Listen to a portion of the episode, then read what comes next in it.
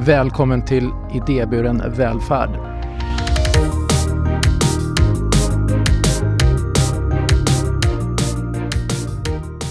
Den här podden görs av Skyddsvärnet och eh, Skyddsvärnet eh, förebygger social utslagning och skapar bättre förutsättningar för människor i samhället.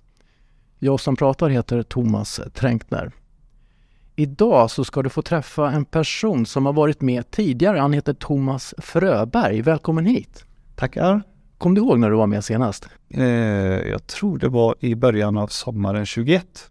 Ja, för att du är ju enhetschef eh, och jobbar med arbetsintegrering här på Skyddsvärnet, eller hur? Stämmer gott och vid den intervjun så var Spånga relativt nyöppnad. Ja, precis och eh, nu är det ju Spånga och det är Nynäshamn som eh, ni bedriver sån här second hand-verksamhet, eller hur? Absolut, och så driver vi även blixtjobb i lite mindre skala. Ja, just det. Då, när vi träffades, alltså för sommaren för ett och ett halvt år sedan, så berättade du för mig att du hade jobbat här på Skyddsvärnet i ett år. Och, och nu är det ju två och ett halvt år. Hur känns det? Ja, men det är jättespännande. Det känns som uh, jag är i början av min yrkeskarriär fast den har varit en tid och jag är egentligen i slutet på min yrkeskarriär. Men så kul är det att jobba här och gå till jobbet. Ja, men uh, du har ju ett, en lång karriär bakom dig innan du hamnar på Skyddsvärnet. Ja, inom idéburen sektor så har jag varit sedan uh, jag började egentligen vid millenniumskiftet, men alltihopa utlöstes av en utbrändhet 98 då jag hade varit i näringslivet innan det. Ah, ja, okej. Okay. Så vad hände då 98? På vilket sätt tog det så här form liksom? Ja, men det var ju flera faktorer, men utbrändhet är ju inte bara en faktor. Men det enda du kan bli sjukskriven ifrån, det är ju arbete. Du kan inte bli sjukskriven ifrån ditt privata liv. Nej. Eh, men du får, dess, du får tid att ta tag i ditt privata liv och det var det som hände mig. Det var separation, det var flera olika saker som utlöste min utbrändhet vid det tillfället. På vilket sätt vad var det som hände rent kroppsligt när du blev utbränd?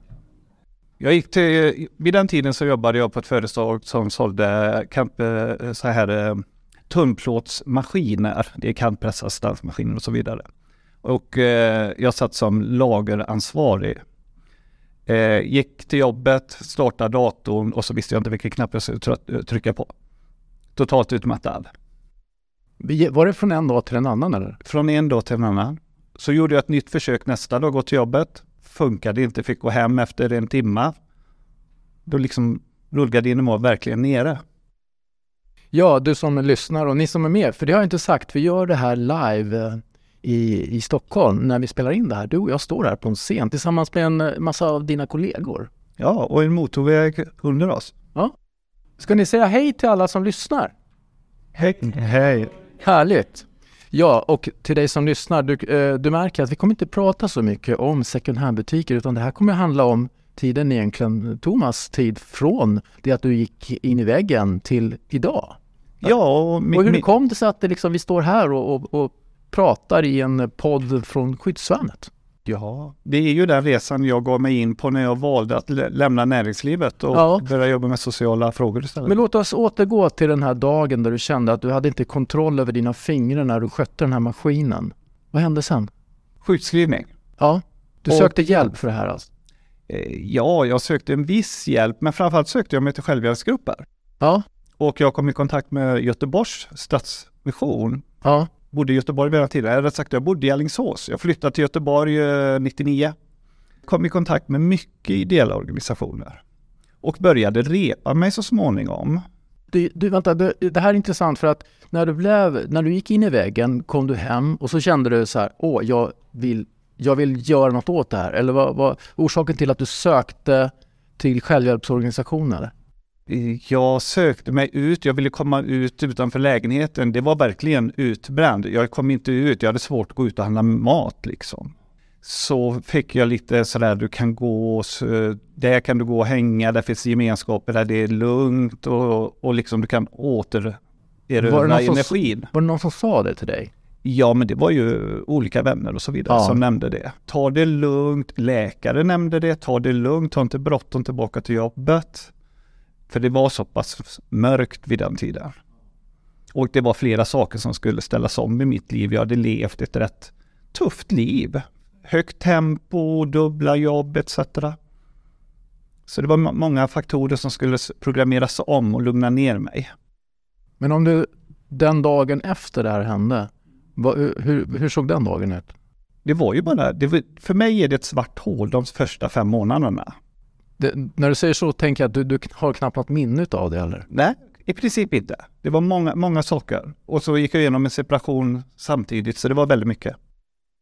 Men sen kom du till de här självhjälpsgrupperna som du pratade om alldeles nyss. Och kontakt med människor som jobbar med det, framför Jag vet inte, här i Stockholm har det alldeles nyss eh, startat Marie, vad heter den kyrkan på Mariatorget? Den är nyrenoverad nu, den är en träffpunkt för människor. Ja. I Göteborg har vi en likadan som heter eh, Sankt Erikskyrkan eller sånt där. där. Där man kan träffas och det var ett sånt ställe man gick bara för att träffa människor. Ja, I en lugn och sansad miljö. Och det var alltså de här självhjälpsgrupperna? Det fanns självhjälpsgrupper och det fanns diakoner, det finns allting att prata med. Där man i lugn och ro kan få återhämta sig. Prestigelöst, alla typer av samhällsklasser och där kände jag ja, lugn och ro i ett liv som jag aldrig hade överhuvudtaget rört vid tidigare. Jag hade varit mer i högt tempo, tjäna pengar, stålindustri, tunnplåt och så vidare. Och även varit i taxinäring och egen företagare innan. Ja, okej, okay, men eh, vad hände då? Du kom i kontakt med de här, men vad är det var rent praktiskt ni gjorde? Vad som hände, det var ju att jag satt där och träffade människor som precis som jag började återfå kraft. Så började så här, ja, ska du tillbaka till ditt jobb? Men jag vet inte om jag vill det. Så träffade vi flera människor som hade betydligt större problem och aldrig hade haft ett jobb. Men de hade resurser men de kom aldrig tillbaka. Det vi såg det var att de ville mycket men de fick inte möjligheterna för de snurrade i den här offentliga verksamheten. De var bara i insatser som aldrig ledde dem ifrån utan de satte sig i ny insats och så åkte de runt i ett ekorrhjul. Var det det ni pratade om? Det var det vi pratade om. Det var tre personer andra. som pratade om det. Ja. Eh, samtliga tre hade en utbrändhet. Och då sa vi så här, kan vi inte starta en egen verksamhet där de kan få jobb? Vi får starta någonting som ger så pass med pröjs så att vi kan börja anställa. För de vill ju ha ett jobb, men det offentliga skapar bara insatser. Och utifrån den diskussionen så blev det att vi startade en liten ideell förening som heter FUNK. Och det gjordes på millenniumskiftet. Och när vi startade den föreningen så hade den som syfte att den skulle vara självförsörjande, den skulle ha driva olika verksamheter som var löner och boende, för många var ju bostadslösa som fanns där också. Och då fanns det resursenheter för frivilligt socialt arbete. De hade en penningpåse. Det är den de delar ut för lokalhyror till länkar, kris etc. Pratar vi om kommunen då? Ja, kommunen. Ja. Så vi tog kontakt med dem som en helt ny förening och så sa vi, vi vill skapa eh, och så ritade vi på en tidsaxel vad vi skulle vara om tio år. Då skulle vi ha stora boenden och så skulle vi ha byggfirma och så skulle vi ha lite second hand verksamhet och sådär. Och där stod tre stycken halvt utbrända människor och säger det ska vi skapa. Och ni trodde på det här? Vi trodde stenhårt på det. Och ni hade liksom glöden att göra det här? Och det som var så häftigt, vi mötte en kvinna, jag måste namnge henne om detta sänds ut, för hon heter Anna Pallarp, hon jobbade där då. Och det, hennes svar var bara, det är precis det vi har väntat på. Några som kommer ifrån målgrupp. Och när hon menar målgrupp, några som så att säga ser sig själva också kunna växa in i något nytt och hjälpa andra. Det är precis vad vi har väntat på, att de ska komma och här kommer ni. Så fick vi 16 000 kronor. Eh, och det var för att köpa en dator. Men det fanns inte pengar till lokal. Men därifrån kunde vi börja och hon hjälpte oss med nätverk. Och sen så skulle vi ta oss upp till en verksamhet som vi hade börjat studera lite via nätet. Och nu är vi ju ändå, nätet var ju inte så stort som det är nu, men det fanns ju dock ett internet. En förening som ligger utanför Nykvarn som vi tyckte lät spännande, en brukarorganisation som sysslade med arbete som rehabilitering och det var ju i linje med vad vi själva hade i tankarna. Men vi tänkte vi måste åka dit och hälsa på. Ekonomi hade vi inte, man går sjukskriven, vi hade inga pengar. Pratade med Stadsmissionen, då lånade de ut en buss och så stod de för bränsle så vi kunde åka upp. Eh, och då besökte vi den här organisationen, de heter Basta. Och eh, gick runt där, de var självförsörjande, de levde på att göra byggtjänster, parktjänster, de sålde lite seminarier och så vidare. Och det här var ju helt lysande, samt att alla människor där jobbade tillsammans. Det fanns ingen hierarki, det fanns inga klienter, det fanns inga deltagare. Alla var kollegor. Oavsett om man kom ifrån ett missbruk igår eller om man var en chef som hade varit där i fyra, fem år. Det var prestigelöst däremellan och det var något som tilltalade oss. Och då ställde vi frågan när vi var där. Och hur många finns det sådana här i Sverige? För vi själva var ju inte bevandrade inom den här sektorn. Den ena han sålde tidningar och på GP och jag kom ju från tunnplåtsindustrin. Och... Är det här vad vi kallar för egentligen då, den idéburna sektorn? Det jag såg där tyckte jag var idéburen sektor. Men jag visste ju ingenting mer. Jag kände till att det fanns länkrörelse, stadsmission och så fick jag se det här. Och jag tyckte de integrerade. Jag vill stanna upp lite grann och gå tillbaka till den där dagen du gick in i väggen och dina vänner sa till dig, ta det lugnt nu, eh, ta hjälp. Och sen berättar du för mig här att eh, nu har ni värsta projektet eh, mm. igång igen. Och att eh, det är en organisation. Var du inte rädd för att hamna tillbaka där? För du verkar ju ha sånt driv och vilja organisera och fixa så här. Det låter ju som att det finns en, fanns det ingen risk att du skulle hamna tillbaka i det här att du vill så himla mycket? Vi kommer till det senare. Och sen min andra tanke när du säger, det berättar, det var det här att du gillade organisationen. Men eh, från din tidigare karriär i industrin, ja. i, i företags, den privata mm. sektorn, där är det ju väldigt mycket eh, rutiner och organisation och raka beslutsled och tydlighet och sånt där. Var inte det ett problem att komma till den här mera eh, fria sättet att jobba på? Jag tyckte inte det skilde så mycket. Det var inte det? Nej. De är ju tvungna att vara rätt tydliga i för att finansiera sin verksamhet. Ja. Driver en byggfirma måste den gå som en byggfirma ska gå. I konkurrens med alla andra. Sen råkar innebörden vara att vi skapar jobb till människor som inte kommer in på arbetsmarknaden. Det är en bieffekt. Eller så är byggföretaget en bieffekt, vilket du vill. Ja. Men det handlar ju om synen på människan i botten. Ja. Okej, okay, men åter till Funk och åter till eh, när ni tog er buss och åkte upp till Stockholm mm. och det som hände sen. Ja, det som hände där uppe, det var ju att vi ställde frågan till de som jobbade där uppe i Nykvarn. Och hur många finns det utav er runt om i landet? För för mig var det en självklarhet att det bör ju finnas ett tiotal stycken, i alla fall i städer över 50 000 invånare bör det ligga en sån här verksamhet. Den är gynnsam för skattebetalarna, den integrerar människor och ger dem värdighet. Och så får vi reda på att de fortfarande ser sig själva som ett pilotprojekt och det har gått sex eller sju år. 94 startade de. Och då sa vi när vi satte oss i bussen att eh, då åker vi och startar ett i Göteborg. Och eh, min blivande mentor Alex som hade startat där, han skrattade, ja ja, lycka till. Och det här var drygt 20 år sedan alltså? Yes. Eh, för han hade hört så många, de hade väldigt mycket studiebesök. Han var duktiga på att hypa dem politiskt, så de hade ju haft drottningen på besök och de hade ofta ministerbesök och så vidare. Han var väldigt duktig på det nätverksbyggandet. Vart fanns Alex? Eh, Alec, han bodde här i Stockholm, men han var ju verksamhetsledare eller ja, han var ju idéburen grundare där liksom.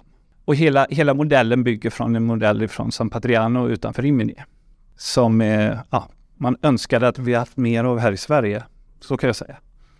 Men eh, dina tankar kring vad du ville ägna din tid åt efter att du gick in i väggen, de verkar ju ha ändrats ganska mycket nu. Att du, ja, men det här var ju skit. Det här var vrålspännande ju. På vilket sätt då? Jag fick så mycket energi. Ja, men vi skulle ju skapa ett nu i Västsverige. Ja. Jag hade ju liksom committat det i sista meningen innan jag satte mig i bussen och åkte hem.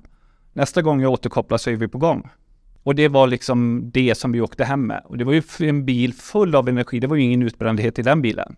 Det var ju hur mycket energi som helst. Nu ska det hem och göras. Och i det så fick ju vi börja ett sätt att försöka hitta finansiering för starten, för vi hade ju inte eget kapital. Och det första var ju att få politiker intresserade i Västsverige. Och då sa den här Anna Pallarp, jag måste understryka för att hon har varit en väldigt viktig person. Du får ordna så att politikerna kommunalt i, då kommunalpolitikerna i, Göteborgsregionen och då på den tiden var man 21 kommuner med kranskommuner som hade liksom eh, ett nätverk. Bjud in dem till att åka dit upp till Nykvarn så att de får se vad de gör. Jag hade ju inga pengar att få dit dem, men då sålde jag bussbiljetter till dem. Och så hyrde jag en buss. Tjänade vi våra första pengar att sätta på kontot också, för vi tog dubbelt betalt i förhållande till vad det kostade. Du gjorde en, en PR-kampanj kan man nästan säga. Exakt. Och hur gick det? Det gick ju lysande och då hade vi faktiskt förberett med eh, enkäter på vägen hem om de var ju sugna på att jobba vidare. Och det var de. Och sen gjorde vi ett seminarium i Göteborg på Stadsmuseet där vi bjöd in gratis. Trygg-Hansa stötte till 10 000 kronor. Vi jobbade ideellt, vi har inga löner under den här tiden. Jag vill bara understryka det. Vi jobbar helt ideellt med det här under den här tiden. Var det fortfarande ni tre som... Ja, mina två kompisar, de, de var med lite sådär. Jag blev väl lite motor. Mm. Eh, och då får vi ju, vi skulle ta 180 pers på det här seminariet, för då handlade det om att skapa riktig hype runt det. Eh, och jag var orolig att det kanske kommer bara 5-10 som tycker detta är intressant och det är ju lite pinsamt då. Men vi fick över 250 så vi var ju tvungna att säga nej då. Men då hade vi lite dragplåster som kom och sådär. Eh, vi hade bjudit in. Eh, vi ska också komma ihåg att den här tiden strax efter millennieskiftet var inte så bra ekonomiskt. Det är nästan som att det var nu, det var dåliga tider kan man nästan säga. Och då älskar de om det kommer innovationer som kan visa på att det kommer spara pengar på sikt. Så ni hade lite konjunkturen med er. Skulle jag vilja säga. Och sen hade vi ju ett väldigt oemotståndligt koncept. För det gick att sälja till höger och till vänster lika lätt. Ja, Eh, vi sålde ju företagsbiten, då gick man på den borgerliga delen. Så sålde vi den sociala biten, så gick vi på vänsterdelen. Så det var lätt att få med sig hela floran av de politiska partierna. ja. Och sen, Nu låter jag väldigt krass, men det är faktiskt så det går till. Men- man hade olika språk beroende på vilken partifärg det var på den politiker man pratade med. mm. vad hände sen då? Vad som hände sen... Om vi tar oss eh, framåt i tiden här Ja, om vi tar oss framåt eh, så hade vi också... Alltså det handlar ju om att vara på rätt plats vid rätt tid. Eh, I vårat fall så kom mobiliseringssatsningen i Sverige, mobilisering mot narkotika, som Björn Fries ledde. Och genom att eh, bearbeta Björn lite så eh, skickade han rätt mycket pengar till Göteborg där vissa medel var avsedda för innovationer som klientrörelsen skulle driva. Och så hade vi ju redan politikerna med oss, så när de fick den här stora penningpåsen, eller stora stora, men i våra mått mätt enormt stora, så frågade de mig, kan du sätta ihop en budget på igångsättningen på tre år? Där du visar på hur ni själva ska tjäna pengar efter tre år och inte behöver några pengar ifrån oss. Och detta fick jag i juni 2002. Och så hade jag fyra veckor på mig att skicka iväg. Jag hade aldrig gjort något sånt. Aldrig i mitt liv. Vad tänkte du då? då? Då tänkte jag, nu får det bära eller brista. Så jag gjorde en budget med en fallande skala. Första året så behövde vi 6 miljoner och så andra året behövde vi 3 eller 3 ja, och tredje året en och en halv och sen skulle vi vara självbärande. Så jag hade en, en fallande kurva på bidrag och en stigande kurva, kurva på våra egna intäkter. Men nu började ju vissa människor bli lite så här, vi jobbar gratis också. Men vi driver det här. Eh, och eh, Göteborgs stad sa ni måste ju få in några pengar för att vi ska våga gå med också. Och då, hur fan ska vi få tag i pengar? Då sökte vi oss ut till byggbranschen och sa vi kan gå ut och göra enklare byggjobb. Och vi fick in jobb. Så de första 250 000 gick vi ut och fräste fasader. Fräsa fasad innebär att du har en tegelvägg och så har du en tegelfog och så ska det bilas ut 3 millimeter. Och så får du betalt per timma utav eh, entreprenören som har det. Och jag hade aldrig gjort något sånt, men jag vet hur man gör nu. Det låter som jag vet att det är riktigt... ett riktigt skitjobb. Ja, jag tänkte det är ett riktigt grovjobb. Ja. Men vi fyllde, och vi tog inte ut någon lön utav det, utan det var bara för att sätta in en summa pengar så att de som skulle vara med och finansiera på sikt såg att vi menade allvar. För det handlar om att bygga tillit. Vi var ju helt nya. Det var ju Känn- en helt ny förening. Kände du samma energi så här två år senare som du hade i bussen hem från eh, Stockholm den där eh, 2000? Ännu mer. Ännu mer? De- Den växer ju bara. För nu ser man ju att det är ju möjligt. Gör rätt sak. Det handlar om rätt fokus hela tiden. Ja. Och vi hade ju tidsaxeln hela tiden. Vad ska vi vara 2010? Den Mm. fanns ju där hela tiden. Och så fick man ju bocka, hur långt har vi kommit? Vart var ni då? När, när, när det blev 2010? Nu hoppar vi fram lite här grannar för att hinna Och då, med. då, då kom ju det här att det, det är ju ett hus ritat där 2010 som folk kan bo i och så rullade hantverksbilar därifrån och så vidare. Du hade liksom eh, nästan gjort en sån, eh, du hade ritat upp det här huset nästan? ja, jag har den bilden kvar hemma. där- På ett blädderblock. Ja. Och då började vi ju titta så här, okej nu är vi ute i byggbranschen men vi har ju inga bostäder så att vi kan ta in och hjälpa folk att bo. Och hur får vi tag i en fastighet och hur får vi tag i miljon... För du får ju inte använda bidragen för att köpa fastigheter. Då började vi samtala mer med organisationen, för det här är ju två fristående. Funk var ju en ideell förening och de där uppe i Nykvarn var en, en ideell organisation. Men de börjar också se så här spännande, vi är nog kanske på väg att få en avknoppning nere i Västsverige. Det gör ju att deras varumärke ska stiga, men vi heter ju någonting annat. Vad hette de? Basta. Basta. Och vi heter Funk. Så vi börjar eh, byta idéer mer och mer. Ska vi gå samman? Hur skulle det se ut? Kan de köpa en fastighet som vi kan hyra med bidragspengarna som vi får när vi fick igenom våran budget och så vidare. Och det är där, liksom, där löses ju allting upp. Då gör vi ett commitment att 2005 ska vi fusionera oss. Så de, hyr en, de köper en fastighet, vi blir hyresgäst och vi är igång. Och nu kan vi börja sälja, eh, vad kallar vi det? Stödboende heter det numera. På den tiden kallade man det för arbetskooperativ. Vi hade till och med en egen upphandling nästan hos de flesta kommuner hos eh, eh kriminalvård. Idag går de in i stödboendet, men så såg det ut då. Och då gällde det att teckna avtal, så då började vi teckna avtal och vi fick de första boende. Så vi var igång med boende och allting 2003. Eh, andra driftsåret när vi hade sagt att vi behövde ungefär 3 miljoner i bidrag och vi skulle ha en och en halv miljon tredje. Men redan andra året så var vi självgående. Vi behövde egentligen inte de pengarna. För vi var så pass duktiga på att sälja det vi skulle. Eller åtminstone var efterfrågan på våra tjänster så pass. Det här var tidigt 2000-tal, sen blev det 2010. Sen blev det 2020 och då började det här på skyddsvärnet. Vad hände under den här perioden? Om du ska sammanfatta det lite snabbt. Ja, men om vi tar ifrån 2005 när vi fusionerade. Det, det, är så att du kan inte fusionera två ideella föreningar. Vi hade eh, hjälp av en advokatsfirma. Vi hade ju någon dröm om att bara slå ihop det och så hittade alltihopa basta. Eh, utan vi fick använda aktiebolag. Funk fick eh, skänka hela sitt innehåll till eh, Basta och sen fusionerades det på det sättet. Och då gjorde det det i form av ett aktiebolag som var 100% ägt. Och helt plötsligt blev det nya roller och nya titlar. Så när det blev ett aktiebolag utav det som hade varit Funk, då gick jag ifrån någon typ av idébärare, idé, grundare till helt plötsligt ska det vara en VD för att det kallas för AB. Då blev jag VD och fick rätt fria tyglar och i det så blev det att vi eh, köpte bolag. Jag köpte ett saneringsföretag där människor kunde jobba. Vi anställde folk som kom från utanförskap. Köpte ett hotell som vi drev.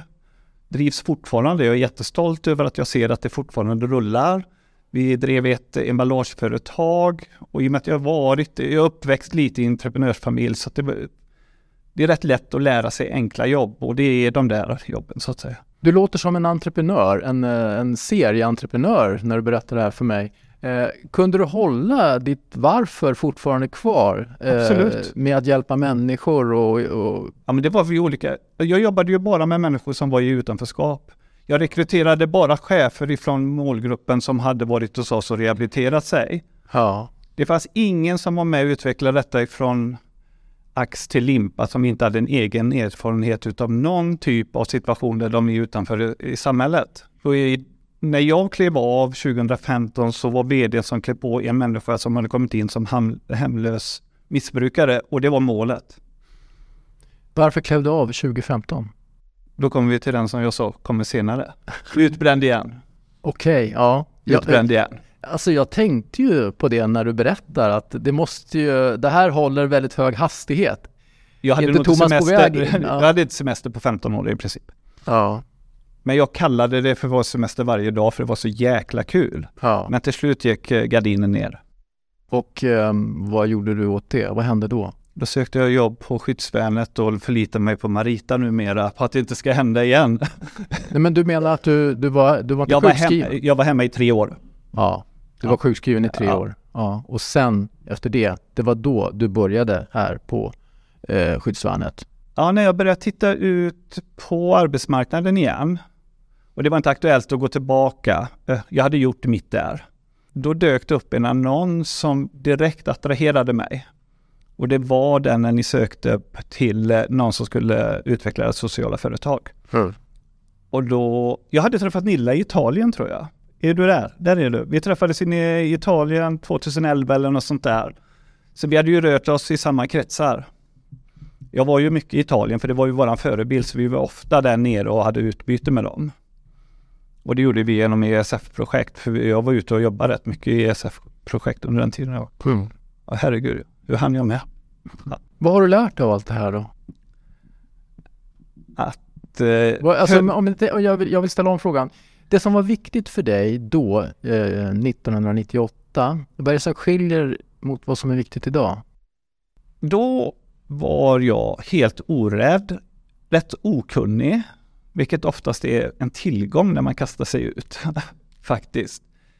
Var jag idag, nu är jag äldre, eh, jag har lite mer att vara rädd om i livet. Och att tänka mig för så att jag inte är ett hinder för nya orädda människor som kommer in i det här. För det är de som skapar förutsättningarna för de nya. Vi kan bli bromsklossar vi som är äldre. Kände du att du var det när du tittar på, tillbaka på dig själv då? Att du var en bromskloss Nej, absolut inte. Men idag är jag rädd att jag kan bli det, för idag kan man få lite auktoritet, man kan få lite makt eh, som bygger på erfarenhet, man kan också bli en bromskloss. Och det gäller att vara, det är väl det som är den stora utmaningen idag, att släppa fram nya krafter. Man har erfarenhet, man har gjort vissa bra saker, massa dumma saker också och det är ju så man lär sig. Det har varit som att gå på ett minfält och det har smält både höger och vänster. Men man kan gå och lägga sig och veta att idag är det flera människor som då var hemlösa missbrukare som idag driver en organisation. Ja, men det var ju målet. Det var ju inte målet att jag skulle vara VD där resten av mitt liv. Målet var att några andra skulle få ta över. Och det är ju hela idéburen sektor är ju att man hela tiden skickar den vidare till nästa generation. För de är ju med där problemet är. Vi börjar bli lite så här stofiler nu. Jag hajar ju inte riktigt vad som händer för de som är 20-30 liksom. Jag får ju lyssna på mina medarbetare. Jag är jätteglad. Jag är ung medarbetare på Spånga och så vidare. Många unga. Vi säger ju inte klienter och deltagare på min enhet, utan alla är kollegor. Och det är ju rätt spännande. Inom samma organisation så är de klienter på ett ställe. Hos mig är de kollegor. De timmarna de är hos mig. Vi driver ju en second hand-butik ihop. Och det rimmar ju med det sättet som jag jobbat tidigare, så jag är glad att jag får ha den möjligheten att jobba så på skyddsvärnet också. För, för mig handlar det om det mötet. Jag är inte en hjälpare på det sättet, men jag har en organisation på plats som kan hjälpa dem att komma närmare arbetsmarknaden. Om vi ska försöka sammanfatta det här för den som lyssnar på dig och mig i några slags goda råd. och jag tänker på det här med att hamna i utbrändhet och vad man gör åt det. För det har ju du verkligen gjort. Ja. Två gånger. Vad skulle det vara för råd? Jag tror inte jag har några bra råd. Uh, förse dig med bra uh, sidekick efter första gången. Hade jag gjort det så hade jag sluppit min andra gång. Du menar, Men jag var fortfarande med... så när energin kom tillbaka, då var det sådär lite ostoppbar. Nu har jag valt att ta en bra sidekick eh, som hjälper mig och jag har valt en organisation som har med sig det också.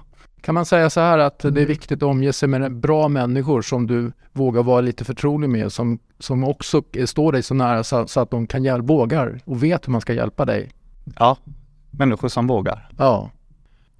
Är det någon i publiken som uh, vill fråga Thomas någonting om det vi har pratat om? Är det första gången du delar med dig av dina erfarenheter? Nej, det var ju en hel... Alltså det här åkte vi gjorde hela tiden när vi sålde in det under pågående process i tillväxten och så vidare. Det är klart att eh, jag har stått i tv på SVT Forum och kört på, på den typen av konferenser också. Men om din mentala resa? Ja, det tror jag. Hur känns det? Jag tycker inte om det. Världen, tror jag. Och det hjälper mig inget. Men jag gör det för, eh, för att fylla den här stunden. Annars så vill jag gärna lösa det på egen hand skulle jag säga. Och det, jag har fullt eh, förtroende för svensk eh, sjukvård. Och dit går jag med min mentala hälsa vid de tillfällena och det har hjälpt. Sen är jag problemet, men det blir ju någon typ av min livshistoria. Killen som blev utbränd tre, fyra, fem gånger. Eller kanske bara två. Vi får se. Men det är ju liksom min livscykel. Jag är jättenöjd med mitt liv, brukar jag alltid summera. Även när jag har mått väldigt dåligt så har jag legat hemma och tänkt att ja, men jag har haft ett jävligt kul liv. Sen är det lite tungt just nu. Och du, du lär med dig kan hjälpa någon som lyssnar på det här kanske i framtiden? Eh, absolut. Eh, och innan vi bestämde oss för att starta den typ av organisation som vi gjorde, där arbete skulle vara verktyget väldigt mycket, så är det inte ovanligt att människor som befinner sig i en utbrändhet eller ska göra en livsstilsförändring, när de väl kommer på det, vill börja jobba med någon typ av terapeutiskt inslag eller bli terapeuter och det sa jag nej till väldigt fort.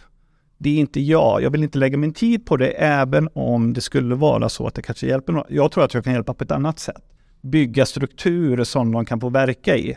Där tror jag min styrka ligger. Och då kan jag hjälpa fler än att jobba. Jag skulle aldrig funka som någon typ av enskilt samtal. Jag tror det skulle bli rätt katastrof för allihop.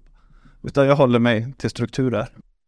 Vet ni vad? Vi måste faktiskt eh, tacka dig Thomas för att du var med i Tackar. podden Idéburen välfärd. Och eh, till dig som lyssnar, fortsätt att lyssna på den här podden för vi kommer ut varannan vecka med nya avsnitt. Och eh, du hittar ju podden där poddar finns och vill du veta mer om Skyddsvärnet så går du naturligtvis in på skyddsvärnet.se. Där kan du läsa mycket mer om Thomas verksamhet och om all annan verksamhet. Tack så mycket. Hej då! Tack.